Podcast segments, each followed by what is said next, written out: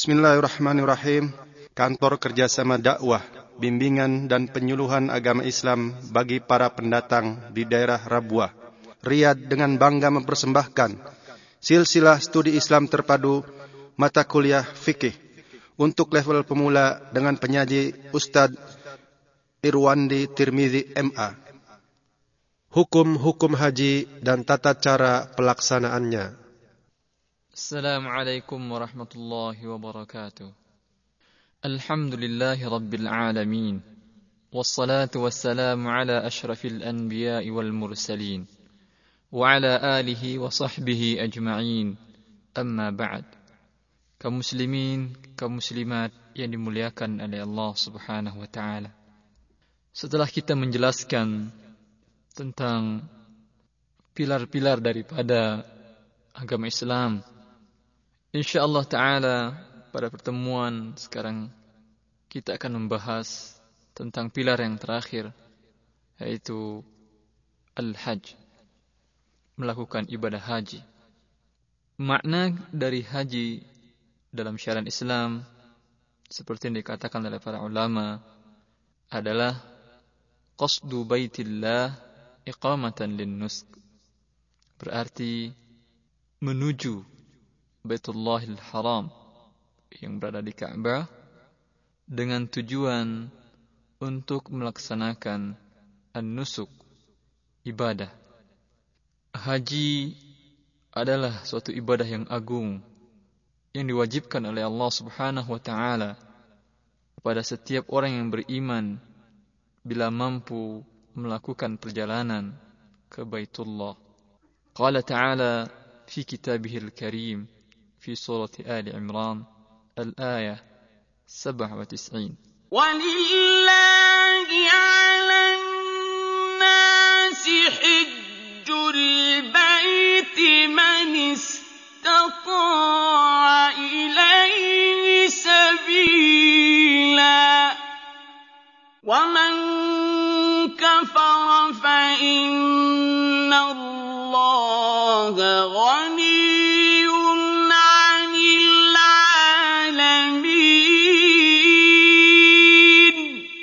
Sesungguhnya menjadi satu kewajiban bagi manusia terhadap Allah Subhanahu wa taala untuk melaksanakan ibadah haji ke Baitullah bagi siapa yang mampu melakukan perjalanan kepadanya.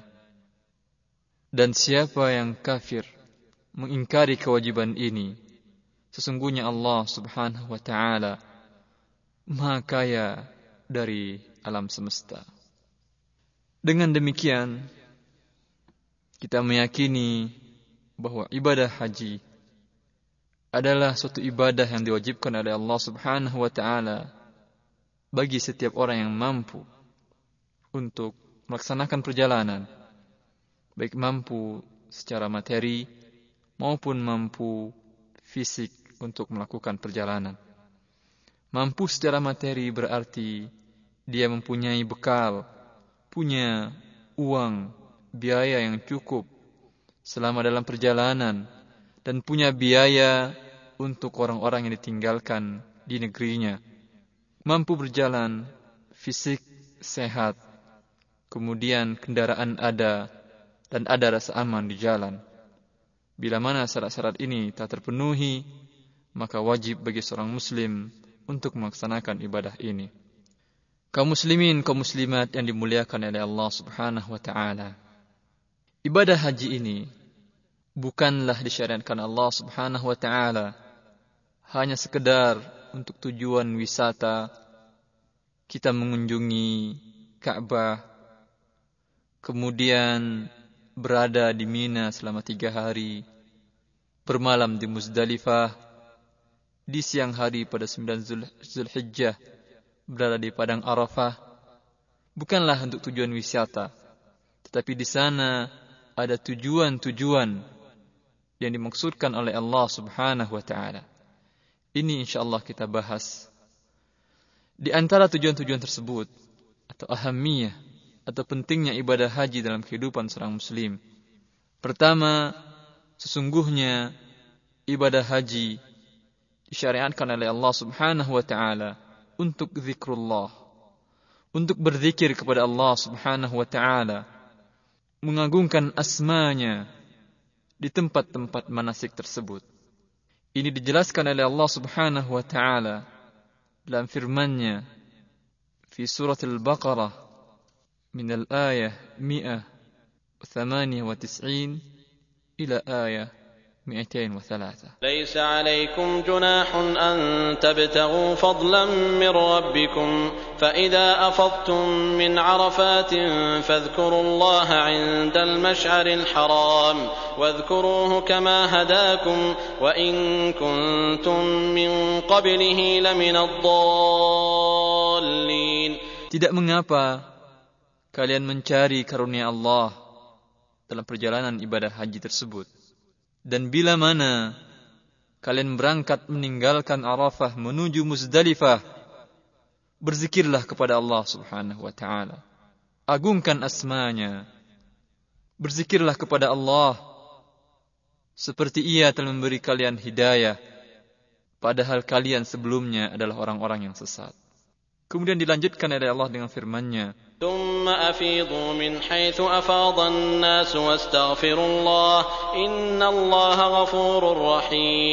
Kemudian berangkatlah meninggalkan Arafat. Seperti manusia juga berangkat meninggalkan Arafat. Dan beristighfarlah kepada Allah. Sungguhnya Allah Maha Pengampun lagi Maha Penyayang. Lalu dilanjutkan oleh Allah. فإذا قضيتم مناسككم فاذكروا الله كذكركم آباءكم أو أشد ذكرا Apabila kalian selesai melakukan manasik, kalian berada di hari-hari Mina, maka berzikirlah kepada Allah seperti kalian berzikir dahulu menyebut nama nenek moyang kalian dan lebih kuatkan kalian berzikir kepada Allah.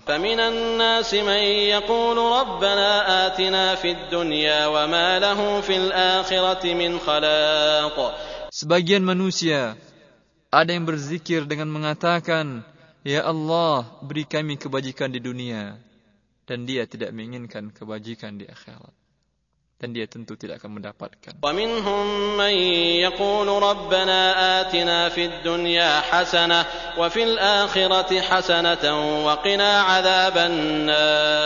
Mereka berkata, dan inilah perkataan doa yang paling bagus diucapkan oleh setiap muslim dalam setiap saat, terutama ketika berada di Masyairul Haram. Ya Tuhan kami, beri kami kebajikan di dunia dan di akhirat lindungi kami dari neraka.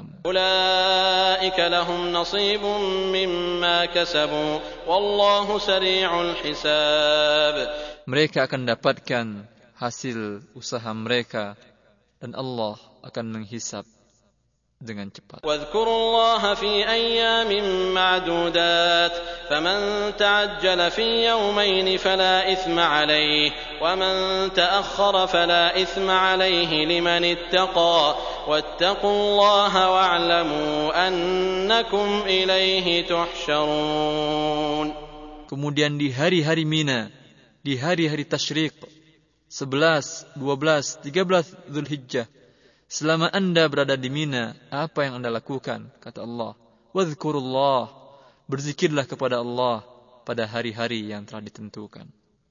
Ayat-ayat ini menjelaskan memperbanyak zikrullah ketika berangkat dari Arafat, ketika berada di Muzdalifah, beristighfar kepada Allah, Kemudian di hari-hari Mina beristighfar kepada Allah Subhanahu wa taala, berzikir kepada Allah, berdoa, bacakan doa sapu jagat, mintakan kepada Allah Subhanahu wa taala.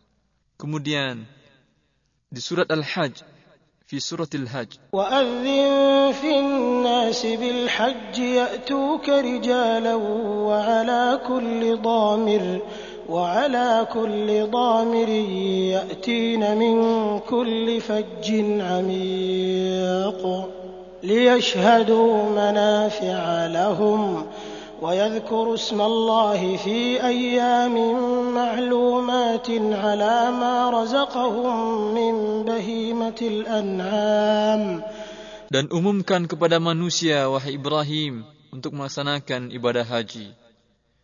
Mereka akan datang dengan berjalan kaki maupun mengendarai unta yang keras, yang kurus, yang datang dari segala penjuru. Untuk menyaksikan manfaat-manfaat bagi mereka dan untuk berzikir menyebut nama Allah Subhanahu wa taala pada hari-hari yang ditentukan.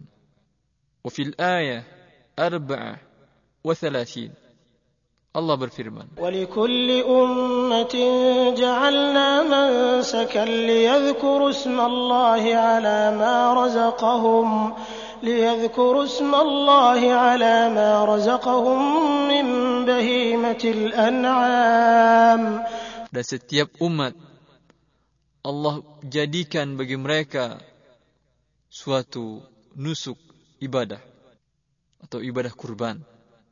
Tujuannya agar mereka menyebut berzikir kepada Allah Subhanahu wa taala. Dari ayat-ayat di atas jelaslah bagi kita kaum muslimin kaum muslimat yang dimuliakan oleh Allah Subhanahu wa taala bahwa kita berada di Masyairil Haram, di tempat-tempat suci tersebut, di Muzdalifah, di Arafah, di Mina, kemudian di sekitar Baitullah, bukanlah untuk tujuan bermain-main, tetapi tujuan dengan tujuan mengagungkan asma Allah Subhanahu wa taala. Berzikir kepada Allah, menyebut namanya, beristighfar, merendahkan diri, mengadukan kelemahan dan kehinaan kita kepada Allah, minta ampun kepadanya. Inilah tujuan Allah mensyariatkan ibadah haji. Seperti juga sabda Nabi sallallahu alaihi wasallam, "Innama tawafu bil baiti wa bis safa wal marwa wa ramil jimar liiqamati liiqamati dzikrillah." Tawaf di Ka'bah, sa'i antara Safa dan Marwa, melontar jumrah disyariatkan untuk berzikir kepada Allah Subhanahu wa taala. Jadi kita bukan sekedar berlari-lari mengitari Ka'bah berjalan mengitari Ka'bah tanpa ada tujuan, tapi tujuannya adalah untuk berzikir kepada Allah. Bukan hanya sekedar berjalan pulang dan pergi antara Safa dan Marwa tanpa ada tujuan, tapi tujuannya ada yaitu untuk berzikir kepada Allah. Ketika melempar jumrah, melempar jumrah bukan tanpa tujuan kita melempar, tetapi ada tujuannya untuk berzikir kepada Allah Subhanahu wa taala. Kemudian ibadah haji merupakan perwujudan dari tauhid dan ubudiyah kita kepada Allah Subhanahu wa taala. Allah berfirman di dalam Al-Qur'an fi surat Al-Hajj al-ayah 31 حنفاء لله غير مشركين به ومن يشرك بالله فكأنما خر من السماء فتخطفه الطير أو تهوي به الريح في مكان سحيق. Bahwa mereka hunafa meluruskan dirinya untuk Allah. Dan tidak berbuat kesyirikan kepadanya. Dan siapa yang berbuat syirik kepada Allah, seolah-olah dia jatuh dari langit, lalu disambar oleh burung dan dibawa oleh angin ke tempat yang jauh. Ayat ini Allah jelaskan setelah Allah menjelaskan sebelumnya tentang ibadah haji. Dengan demikian berarti bahwa ibadah haji adalah untuk memurnikan tauhid kita kepada Allah Subhanahu wa taala, untuk mengesahkan Allah dan menunjukkan ubudiyah kepadanya. Bukankah mana talbiyah isinya juga adalah tauhid kepada Allah? Kita mengucapkan labbaik Allahumma labbaik, labbaik la syarika lak labbaik, innal hamda wan ni'mata lak wal mulk la syarika lak. Ya Allah, aku sambut panggilanmu. Ya Allah, aku sambut panggilanmu. Dan tiada kesyirikan. Dan, tia, dan tidak ada syarikat bagimu. Sesungguhnya pujian, nikmat hanyalah milikmu. Dan kerajaan semuanya milikmu. Tidak ada kesyirikan dan syirikat. Kemudian, ketika selesai tawaf, kita disunatkan untuk melakukan salat dua rakaat. Yang dibaca pada rakaat yang pertama adalah kuliah ayyuhal kafirun. Kemudian rakaat yang kedua adalah Qul huwallahu ahad. Dua ayat ini menunjukkan kesempurnaan tauhid kepada Allah. Kemudian ketika membaca zikir ketika sa'i, ketika di Arafah, dianjurkan membaca La ilaha illallah wahdahu la syarika lah, lahul mulku wa lahul hamdu wa huwa ala kulli syai'in qadir. Semua isinya adalah tentang ketauhidan kepada Allah Subhanahu wa taala. Jadi kita melakukan ibadah haji untuk mentauhidkan Allah Subhanahu wa taala. Selanjutnya, ibadah haji ternyata dapat menghapuskan dosa-dosa kita. Seperti hadis yang diriwayatkan oleh Umar bin Khattab radhiyallahu taala anhu bahwa Nabi sallallahu alaihi wasallam bersabda, "Ikutkan antara haji dan umrah, maka sesungguhnya mengikutkan di antara haji dan umrah dapat menghapuskan kemiskinan dan menghapuskan dosa seperti tukang pandai besi yang menghilangkan karat dari besi. Seperti itulah haji menghapuskan kefakiran dan dosa-dosa dari orang yang melakukannya. Selanjutnya, ibadah haji ternyata adalah jihad bagi para wanita. Kalaulah wanita tidak dianjurkan menggul senjata, tapi mereka punya ladang jihad, medan jihad, yaitu melaksanakan ibadah haji. Seperti diriwayatkan dari Aisyah, Ummul Mukminin, dia berkata, aku berkata, wahai Rasulullah, kenapa kami para wanita tidak ikut berperang dan berjihad bersama kamu, kalian kaum laki-laki? Rasulullah sallallahu alaihi wasallam bersabda, tetapi ada untuk kalian jihad yang lebih bagus dan lebih baik, yaitu haji, haji yang mabrur. Aisyah berkata, semenjak aku mendengar sabda Rasulullah sallallahu alaihi wasallam ini, aku tidak pernah meninggalkan melaksanakan ibadah haji. Setiap tahun aku melaksanakan ibadah haji. Hadis riwayat Bukhari.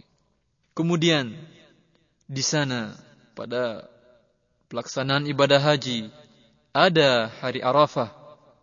Keutamaannya jelas bagi kita seperti dalam hadis Jabir yang diriwayatkan oleh Ibnu Khuzaimah dan Imam Al-Baghawi mengatakan bahwa sanatnya thiqat. Rasulullah sallallahu alaihi wasallam bersabda, bila mana di hari Arafah Allah turun ke langit dunia, lalu dia membanggakan manusia yang berada di Arafah kepada para malaikatnya. Allah berfirman kepada para malaikatnya, Lihatlah hamba-hambaku, mereka datang ke tempat ini syu'athan ghubra dengan rambut yang kusut masai dan badan-badan berdebu. Mereka datang dari seluruh penjuru yang jauh. Saksikanlah para malaikat. Sesungguhnya aku telah mengampuni dosa-dosa mereka. Lalu para malaikat berkata, Wahai Rab, di antara mereka ada si Fulan yang bermain-main, yang lalai selama di Arafah. Lalu Allah berkata, Qad ghafartu lahum. Sungguh aku telah mengampuni seluruh orang yang berada di Arafah. Lalu Rasulullah wasallam bersabda, "Fama min yawmin akthar itqan minan nar min yawmi Arafah." Tidak ada satu hari pun di mana di hari itu Allah membebaskan manusia dari neraka yang lebih banyak daripada hari Arafah. Kemudian yang terakhir bahwa balasan dari haji yang mabrur dan diterima oleh Allah Subhanahu wa taala adalah surga. Seperti hadis yang diriwayatkan dari Rasulullah sallallahu alaihi wasallam. Al-hajjul mabrur laisa lahu jazaa illa al-jannah. Haji yang mabrur tidak ada balasannya kecuali surga Allah Subhanahu wa taala. Kalaulah kita mengetahui pahala yang besar bagi haji yang mabrur, rasanya jiwa kita tersentuh, terpanggil, rindu untuk mengharapkan haji yang mabrur. Bagaimana caranya menciptakan haji yang mabrur? Allah berfirman, Al-Hajj ashhurun ma'lumatun faman farada fihin al-hajj fala rafatha wala fusuq fala rafatha wala fusuq wala jidala fil hajj wama taf'alu min khairin ya'lamhu Allah Dari ayat ini kita bisa mengatakan bahwa haji yang mabrur itu dengan dua syarat. Syarat pertama, adalah meninggalkan larangan-larangan haji. Ini harus diperhatikan oleh setiap jemaah haji. Agar mereka jangan sampai melakukan larangan-larangan ibadah haji. Andai larangan yang mereka lakukan, maka haji mereka susah untuk dikatakan mabrur. Dengan demikian, sia-sia perjalanan mereka, harta yang mereka korbankan, fisik, lelah, capek dalam pelaksanaan ibadah haji. Allah mengatakan, siapa yang berniat untuk haji, fala rafas. Jangan mengatakan perkataan yang tidak senonoh, yang mengundang birahi, apalagi sampai menggauli istri. Ini larangan ibadah haji. Wala fusuq, jangan melakukan dosa. Wala jidal, dan jangan bertengkar, berdebat, berdiskusi tanpa ada manfaat selama dalam ibadah haji. Seperti juga diriwayatkan dari Abu Hurairah ia berkata Rasulullah sallallahu alaihi wasallam bersabda, siapa yang datang ke Baitullah kemudian tidak melakukan rafath yaitu tidak mengatakan perkataan tidak senonoh dan tidak bergaul istrinya selama ibadah haji. Kemudian tidak melakukan dosa. Raja'a kama waladathu ummu dia akan kembali dari mengunjungi Baitullah seperti ia dilahirkan oleh ibunya. Bersih tanpa dosa. Hadis riwayat Bukhari dan Muslim. Kemudian setelah kita meninggalkan larangan-larangan selama ibadah haji, bagaimana lagi menciptakan haji yang mabrur? Yang kedua kata Allah, "Wa ma taf'alu min khairi ya'lamhu Allah." Dan apa-apa yang kalian lakukan dari kebajikan Allah mengetahui. Maksudnya, lakukan ibadah haji, perintah-perintah, anjuran-anjuran ibadah haji baik rukun, wajib maupun sunatnya, lakukan seperti yang dilakukan oleh Rasulullah SAW. Allah mengetahuinya. Dengan demikian kita akan mendapatkan haji yang mabrur. Seperti diriwayatkan dari Jabir bahwa ketika Nabi SAW melontar jumrah, beliau mengatakan, "Litakhudhu manasikakum fa inni la adri la'alli la ahujju ba'da hajjati hadhihi." Ambillah cara manasik ibadah haji kalian seperti aku ini karena sesungguhnya aku tidak tahu apakah aku bisa berhaji lagi setelah haji ini. Hadis riwayat Muslim. Jadi, cara yang kedua untuk mendapatkan haji mabrur, selain meninggalkan larangan-larangan ibadah haji, ikuti tuntunan ibadah haji sesuai Rasulullah SAW melakukannya. Ini insya Allah akan kita jelaskan. Kemudian, bila anda telah bertekad untuk melaksanakan ibadah haji, ada beberapa nasihat yang harus Anda perhatikan. Yang pertama, beristikharah dan mintalah pendapat orang-orang tua di sekitar Anda. Karena tidak pernah rugi orang yang beristikharah dan orang yang minta pendapat bermusyawarah tidak akan pernah menyesal. Kedua, ikhlaskan niat Anda dalam melaksanakan ibadah haji hanya untuk Allah Subhanahu wa taala semata. Anda melaksanakan ibadah haji dan umrah ini hanya untuk mencari keridhaan Allah dan mencari kebahagiaan di kampung akhirat. Ketiga, pelajarilah hukum-hukum fikih tentang haji dan umrah. Karena Anda tidak bisa beramal sesuai dengan sunnah Rasulullah SAW bila Anda tidak mengetahuinya. Keempat, berikan nafkah untuk keluarga ini tinggal serta berikan mereka nasihat petuah agar selalu bertakwa kepada Allah Subhanahu wa taala. Kelima, bertaubatlah kepada Allah Subhanahu wa taala dari seluruh dosa-dosa dan maksiat-maksiat yang pernah Anda lakukan. Karena Anda akan melakukan suatu perjalanan suci. Keenam, ambillah harta yang halal saja, sedangkan harta yang haram tinggalkan dan berikan salurkan kepada jalannya yang Anda gunakan baik untuk ONH ongkos naik haji maupun kebutuhan Anda selama melaksanakan ibadah haji ambillah harta-harta yang halal saja karena karena bila mana haji Anda menggunakan harta yang haram harta yang didapatkan tidak cara yang halal yang ada syubhat dalam harta tersebut maka haji Anda tidak akan menjadi haji yang mabrur dan tidak akan diterima oleh Allah Subhanahu wa taala. Rasulullah sallallahu alaihi wasallam bersabda, bila seorang yang hendak haji berangkat menuju tanah suci menggunakan harta yang halal ketika ia meletakkan kakinya di atas kendaraan dan ingin mengucapkan labbaik Allahumma labbaik ya Allah aku sambut panggilanmu ada orang yang memanggil dari langit labbaik wa sa'daik panggilanmu disambut dan engkau berbahagia.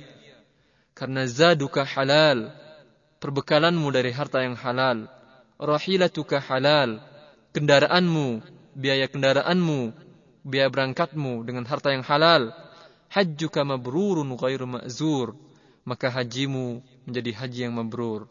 Tetapi sebaliknya kata Rasulullah sallallahu alaihi wasallam, bila ia berangkat menggunakan harta yang haram, yang keji, ketika kakinya diletakkan di atas kendaraan dan dia berseru, labbaik Allahumma labbaik maka ada yang memanggil dari langit la labbaik wala sa'daik. Panggilanmu tidak dijawab dan engkau tidak mendapatkan kebahagiaan. Zaduka haram karena harta perbekalanmu adalah harta yang haram. Warahilatuka haram biaya kendaraanmu biaya berangkat naik hajimu adalah biaya yang haram hajjuka ma'zurun ghairu ma'zuri ghairu mabrurin dan hajimu ditolak dan tidak mabrur. Hadis riwayat At-Tabrani. Kemudian pilihlah teman rombongan orang-orang yang soleh. Selanjutnya yang kedelapan, selalulah melazimi melaksanakan adab safar, berdoa ketika berangkat, bertasbih dan bertakbir ketika dalam perjalanan. Kemudian yang terpenting juga, yang terakhir, camkan dalam hati Anda untuk bisa menanggung beban, bersabar, baik kesulitan beban dalam perjalanan maupun kesulitan dalam melaksanakan ibadah haji sendiri seperti ketika melakukan tawaf, ketika sa'i, ketika melontar jumrah, ketika berada di Arafah, ketika bermalam berdingin di Mina, di Muzdalifah. Karena tanpa kesabaran, rasanya susah Anda untuk mencapai haji yang mabrur. Bila nasihat-nasihat ini telah Anda indahkan, inilah dia kaifiat haji secara benar seperti yang diajarkan oleh Rasulullah sallallahu alaihi wasallam. Haji ada tiga. Pertama tamattu', kedua qiran, ketiga ifrat. Haji tamattu' ialah berihram untuk umrah pada bulan-bulan haji dan diselesaikan umrahnya pada waktu-waktu itu juga. Kemudian berihram untuk haji dari Mekah atau sekitarnya pada hari ke-8 Zulhijjah pada tahun ia berumrah. Haji kiran ialah berihram untuk umrah dan haji sekaligus. Berihram untuk umrah dan haji sekaligus. Tidak bertahalul kecuali pada tanggal 10 Zulhijjah. Sedangkan haji ifrat hanya berihram untuk haji saja dari miqat. Di antara tiga ibadah haji ini, maka ibadah haji yang utama yang dianjurkan oleh Rasulullah sallallahu alaihi wasallam adalah ibadah haji tamattu' karena Rasulullah menekankan para sahabatnya untuk melakukannya. Bagaimana cara melakukan haji tamattu'? Yaitu kita lakukan umroh dahulu, kemudian menunggu sampai tanggal 8 Zulhijjah baru melakukan ibadah haji. Maka apabila Anda telah sampai di miqat, kalaulah Anda datang dari negara Indonesia, maka tentulah sebelum pesawat mendarat di Jeddah, anda telah melakukan niat ihram.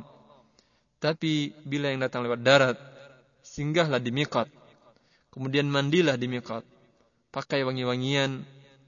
Kemudian kenakan pakaian ihram bagi laki-laki dua helai kain putih, satu helai disarungkan di bawah, satu helai lagi satu helai lagi dikenakan di bagian tubuh bagian atas. Bagi wanita, boleh mengenakan pakaian yang ia sukai asal tidak menampakkan perhiasan. Setelah mandi, memakai-makai wangian dan memakai pakaian ihram, maka ucapkanlah niat umrah yaitu dengan mengatakan labbaika umratan. Kemudian diteruskan dengan talbiyah. Seraya mengatakan labbaik Allahumma labbaik syarika laka labbaik innal hamda wan ni'mata laka wal mulk la syarika lak. Artinya, kusambut, kusambut panggilanmu untuk melaksanakan umrah. Kusambut panggilanmu ya Allah. Kusambut panggilanmu, tiada sekutu bagimu. Kusambut panggilanmu. Sesungguhnya segala puji, nikmat dan kerajaan adalah milikmu, tiada sekutu bagimu. Bagi kaum pria, hendaknya mengucapkan talbiyah ini dengan suara keras. Sedangkan bagi wanita, hendaknya mengucapkan suara talbiyah dengan pelan. Kemudian perbanyaklah membaca talbiyah, zikir, dan istighfar, serta beramar ma'ruf nahi mungkar. Sampai Anda di Mekah. Bila mana Anda telah sampai di Mekah, maka lakukanlah tawaf di Ka'bah sebanyak tujuh putaran. Mulai putaran Anda dari Hajar Aswad sambil bertakbir dan selesai nanti lagi berakhir putarannya di Hajar Aswad pula. Ketika tawaf, bacalah zikir serta doa yang hendak-hendaki yang bisa Anda lakukan. Tetapi ada zikir khusus bila Anda berada di antara rukun Yamani dan Hajar Aswad sebaiknya mengucapkan doa Rabbana atina fid dunya hasanah wa fil akhirati hasanah Waqina azaban nar. Wahai Tuhan kami, berilah kami kebaikan di dunia dan kebaikan di akhirat dan lindungilah kami dari siksa api neraka. Kemudian setelah tawaf, lakukanlah salat dua rakaat. Lakukanlah salat dua rakaat di belakang makam Ibrahim, walaupun agak jauh dari tempat tersebut, jika hal itu tidak mungkin. Jika tidak mungkin, lakukanlah di tempat lain di dalam masjid. Kalau bisa, dalam rakaat pertama, bacalah surat Qul ya kafirun dan pada rakaat kedua, bacalah surat Qul huwallahu ahad. Bila selesai, pergilah menuju Bukit Safa dan naik ke atasnya sambil menghadap Ka'bah sambil membaca firman Allah Subhanahu wa taala Inna safa wal marwata min sya'airillah. Setelah berada di atas bukit Safa, menghadap ke Ka'bah, bacalah tahmid, bertakbir tiga kali sambil mengangkat kedua tangan. Lalu bacalah doa dan ulangi setiap doa tiga kali sesuai dengan sunnah Rasulullah Sallallahu Alaihi Wasallam. Setelah itu, ucapkanlah La ilaha illallah wahdahu la syarikalah له الملك وله الحمد وهو على كل شيء قدير لا اله الا الله وحده انجز وعده ونصر عبده وهزم الاحزاب وحده artinya tiada tuhan yang patut disembah selain Allah yang Maha Esa tiada sekutu baginya hanya baginya segala kerajaan dan hanya baginya segala puji Dia maha kuasa atas segala sesuatu. Tiada Tuhan yang patut disembah selain Allah yang maha esa. Yang menepati janjinya, memenangkan hambanya, serta telah menghancurkan golongan kafir sendirian. Ucapkanlah bacaan tersebut tiga kali, dan tak mengapa apabila anda baca kurang dari bilangan tersebut. Kemudian, turunlah dari Bukit Sofa dan lakukan sa'i umrah sebanyak tujuh kali putaran. Dengan berjalan cepat di antara tanda hijau ya, ada nanti tanda lampu hijau di antara dua tanda tersebut ya, berjalan dengan cepat. Selebihnya berjalan biasa. Kemudian setibanya di bukit Marwa bacalah takbir dan tahmid tiga kali Kemudian lakukan seperti apa yang Anda lakukan di Bukit Safa tadi, menghadap ke kiblat sambil mengangkat kedua tangan dan membaca doa yang telah kita sebutkan di atas. Dalam tawaf ataupun sa'i tidak ada bacaan zikir wajib yang khusus untuk itu.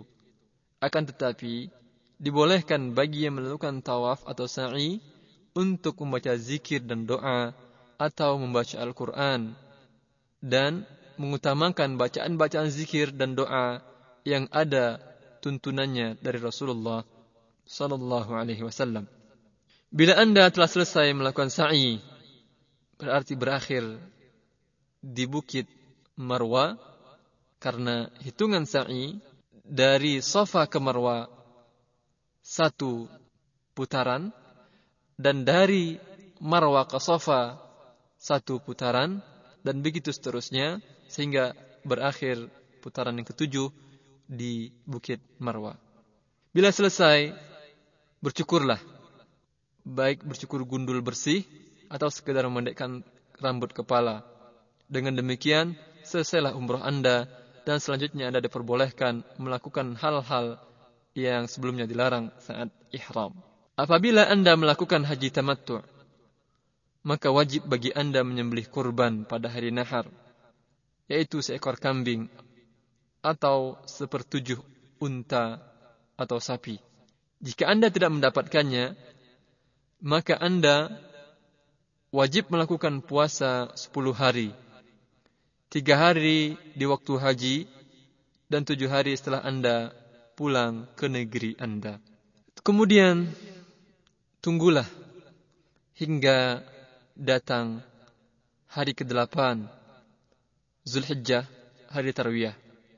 Jika Anda melakukan haji ifrat atau qiran, hendaklah Anda berihram dari miqat yang Anda lalui. Dan jika Anda tinggal di daerah miqat, maka berihramlah menurut niat Anda dari tempat tersebut. Dan jika Anda melakukan haji tamattu', maka berihramlah dari tempat tinggal Anda pada hari Tarwiyah, yaitu tanggal 8 Zulhijjah. Mandi, lalu pakai wangi-wangian, ya, jika memungkinkan. Kemudian kenakan pakaian ihram, lalu berniatlah dengan membaca labbaik hajjan. Kemudian diteruskan dengan membaca talbiyah labbaik Allahumma labbaik labbaik la syarika lak labbaik innal hamda wan ni'mata laka wal mulk la syarika lak. Kemudian berangkatlah menuju Mina. Lakukan salat zuhur, asar, maghrib, Isya dan subuh di sana dengan cara mengkasar salat yang empat rakaat. Zuhur, asar, dan isya menjadi dua rakaat. Pada waktunya masing-masing tanpa jamak. Apabila matahari telah terbit pada hari ke-9 Zulhijjah, maka berangkatlah menuju Arafah.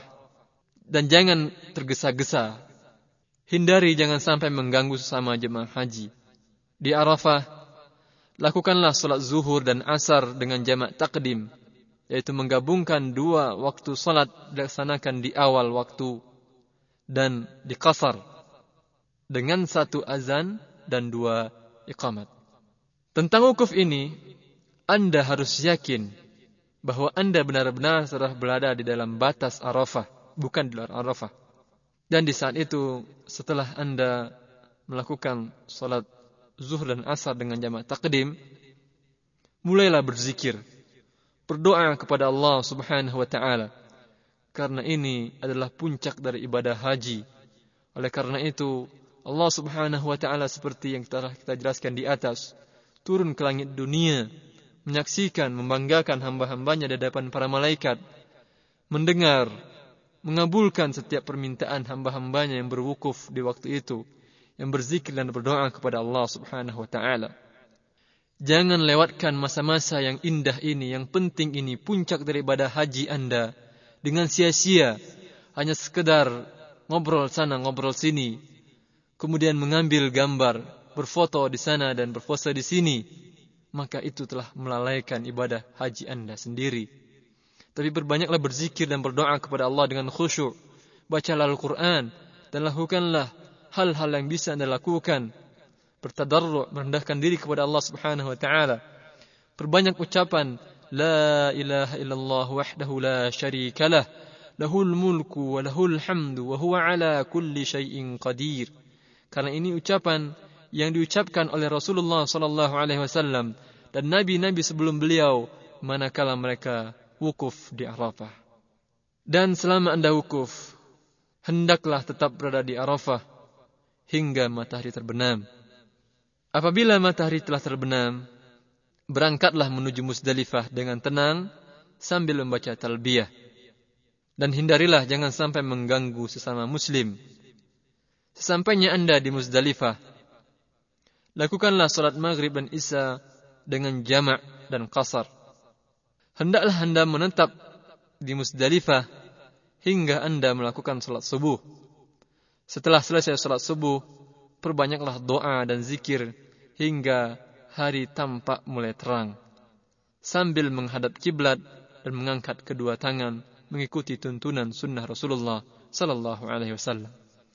Dikecualikan bagi wanita, orang-orang lemah dan orang-orang tua, dibenarkan mereka untuk tidak menginap sampai pagi, maka bila telah lewat sepertengahan malam, maka mereka dibolehkan untuk berangkat menuju ke Mina ataupun ke Mekah. Kemudian berangkatlah sebelum matahari terbit menuju Mina sambil membaca talbiyah.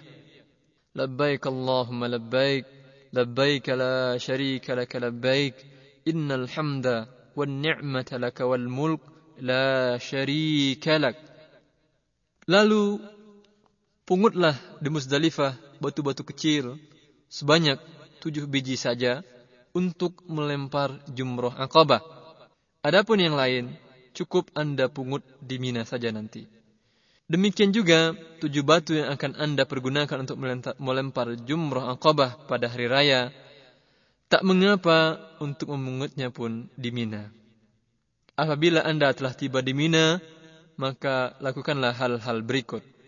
Boleh dengan tertib, boleh juga dengan secara acak. Pertama, lemparlah jumroh akabah, yaitu jumroh yang terdekat dari Mekah, dengan tujuh batu kerikil, serta berturut-turut sambil bertakbir, mengucapkan Allahu Akbar pada setiap kali lemparan. Kemudian, sembelihlah hewan kurban jika Anda berkewajiban melakukannya, dan makanlah sebagian dagingnya, serta berikan sebagian besarnya kepada orang-orang fakir. Lalu bercukurlah dengan bersih gundul lebih bagus karena Rasulullah sallallahu alaihi wasallam mendoakan untuk orang yang bercukur gundul sebanyak tiga kali. Boleh juga memedekkan rambut, tetapi lebih afdal menggundulkan. Sedang bagi wanita cukup menggunting ujung rambutnya kurang lebih seujung jari, yakni seluruh rambutnya digenggam, kemudian sekitar sepanjang seujung jari dipotong seluruhnya. Apabila Anda telah selesai melempar dan bercukur, berarti Anda telah melaksanakan tahallul yang pertama. Dan selanjutnya, Anda boleh mengenakan pakaian biasa dan melakukan hal-hal yang tadi menjadi larangan ihram kecuali berhubungan dengan istri. Lalu berangkatlah menuju Mekah dan lakukan tawaf ifadah. Setelah itu, lakukanlah sa'i jika Anda melakukan haji tamattu' atau jika Anda melakukan haji kiran atau ifrat, akan tetapi Anda belum melakukan sa'i sebelumnya di saat selesai tawaf kudum. Setelah itu, Anda diperbolehkan melakukan seluruh larangan ihram, termasuk pun berhubungan suami istri. Tawaf ifadah ini boleh diakhirkan pelaksanaannya hingga berlalunya hari-hari Mina. Baru kemudian menuju Mekah setelah melempar, seluruh jumrah. Setelah tawaf ifadah pada hari ke-10, kembalilah ke Mina. Bermalamlah di sana pada hari tasyrik, yaitu pada hari tanggal ke-11, 12, dan 13.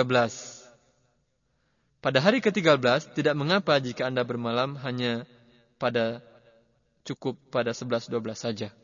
Kemudian keesokan harinya pada hari ke-11 lemparlah ketiga jumrah selama Anda menetap di Mina dua atau tiga hari. Waktunya setelah matahari tergelincir. Anda melontar mulai dari jumrah yang pertama, yaitu jumroh yang jaraknya paling jauh dari dari Mekah. Kemudian jumroh wusta, jumroh yang di tengah. Kemudian jumroh akabah, jumroh yang paling terdekat ke kota Mekah. Setiap jumroh dilempar dengan tujuh batu kecil secara berturut-turut sambil mengucapkan takbir pada setiap kali lemparan. Juga disunahkan berdoa setelah melontar jumroh yang pertama dan jumroh yang wusto yang di tengah. Jika Anda menghendaki untuk menetap selama dua hari saja, hendaklah Anda meninggalkan Mina sebelum matahari terbenam di hari kedua. Ini dinamakan dengan nafar awal. Dan jika ternyata matahari telah terbenam sebelum Anda keluar dari batas kota Mina, maka hendaklah Anda bermalam lagi pada malam hari ke-13-nya. Dan melempar jumroh pada hari ke-13 tersebut. Itu lebih utama di sisi Allah subhanahu wa ta'ala. Bagi yang sakit atau yang lemah, boleh mewakilkan kepada orang lain untuk melempar jumroh. Dan bagi siapa yang mewakilkan, bagi siapa yang mewakili, ya, mewakili orang lain, dia harus melempar untuk dirinya pertama, terlebih dahulu, kemudian baru untuk orang yang diwakilinya. Dapat dilaksanakan sekaligus dalam satu tempat jumrah. Dengan demikian, selesailah ibadah haji, ibadah haji Anda. Akan tetapi, apabila Anda hendak meninggalkan Mekah, berangkat ke negeri Anda, ke kota, atau ke negara Anda, ya, lakukanlah tawaf wada. Karena ini wajib haji. Kecuali bagi wanita yang sedang haid atau nifas, maka mereka diberi keringanan untuk tidak melakukan tawaf wada. Selama Anda dalam keadaan ihram, memakai pakaian ihram, ada kewajiban-kewajiban yang, yang harus dilakukan.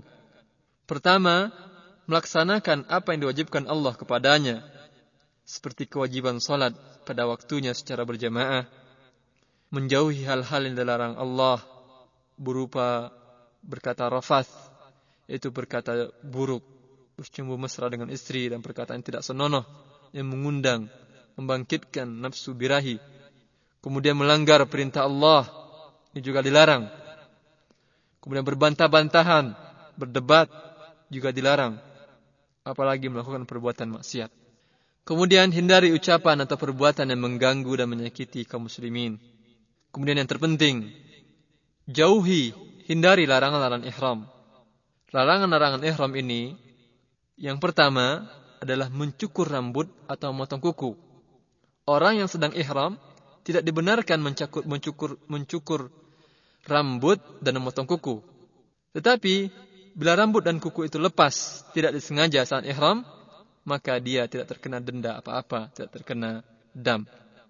Larangan yang kedua, dilarang orang yang sedang ihram menggunakan wangi-wangian baik di badan maupun di pakaian. Adapun jika ada sisa wangi-wangian yang ia pergunakan saat sebelum um ihram, maka tidak mengapa. Juga hal yang dilarang dalam ihram membunuh binatang buruan atau menghalau atau membantu orang yang berburu di saat ia dalam keadaan ihram, maka ini dilarang. Keempat, di saat ihram ya, dilarang memotong pepohonan atau mencabut tanaman yang masih hijau di tanah haram. Begitu juga memungut barang temuan, kecuali jika bermaksud untuk mengumumkannya. Karena Rasulullah SAW melarang semua perbuatan tersebut. Larangan-larangan ini berlaku khusus larangan ini berlaku bagi orang yang ihram maupun yang tidak ihram. Selagi dia berada di dalam tanah haram, maka larangan yang keempat ini berlaku untuknya. Kelima, larangan ihram. Meminang atau melangsungkan akad nikah. Baik untuk dirinya maupun untuk orang lain. Begitu juga mengadakan hubungan badan dengan istri, bersetubuh, atau menjamahnya dengan syahwat selama dalam keadaan ihram ini dilarang. Larangan-larangan tersebut di atas berlaku untuk pria dan wanita. Khusus bagi pria ada larangan-larangan sebagai berikut. Pertama, mengenakan tutup kepala yang melekat seperti topi, peci, dan lain-lain.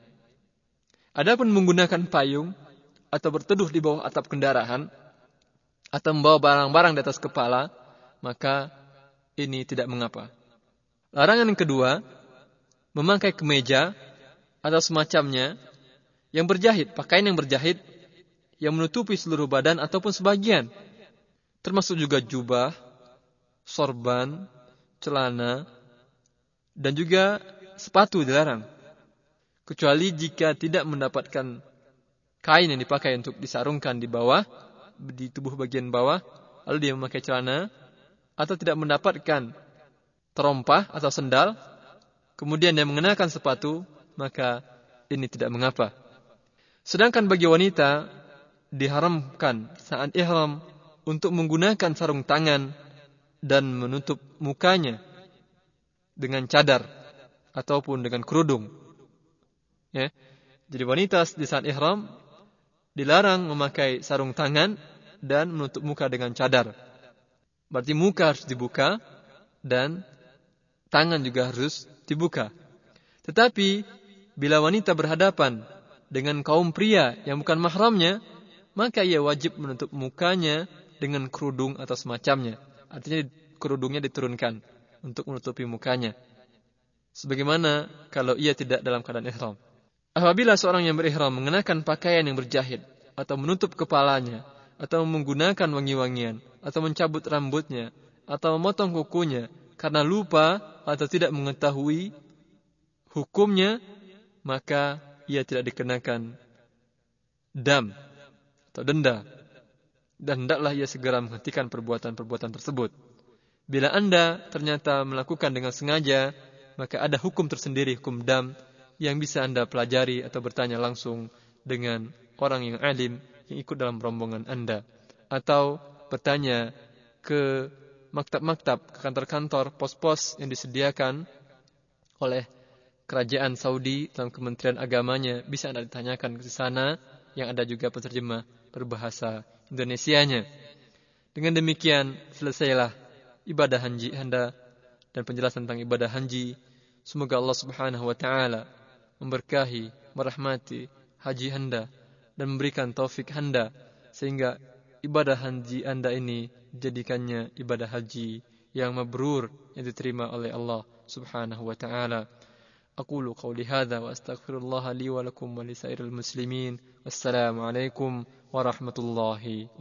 Mudah-mudahan Allah Subhanahu wa taala memberikan kepahaman kepada Anda setelah mendengarkan silsilah studi Islam terpadu ini. Bagi Anda yang berminat memiliki album kaset studi Islam terpadu ini, dapat menghubungi kami di kantor kerjasama dakwah, bimbingan dan penyuluhan agama Islam bagi para pendatang di daerah Rabuah, Riyadh. PO Box 29465 Riyadh 11457. Telepon 445 4900 491 6065. Fax 497 0126. Rabwa, Jalan Amir Mat'aib, samping Bang Al-Rahji, cabang Rabwa. Assalamualaikum warahmatullahi wabarakatuh. تم تسجيل هذه المادة في استديو المكتب التعاوني للدعوة وتوعية الجاليات بالربوة في مدينة الرياض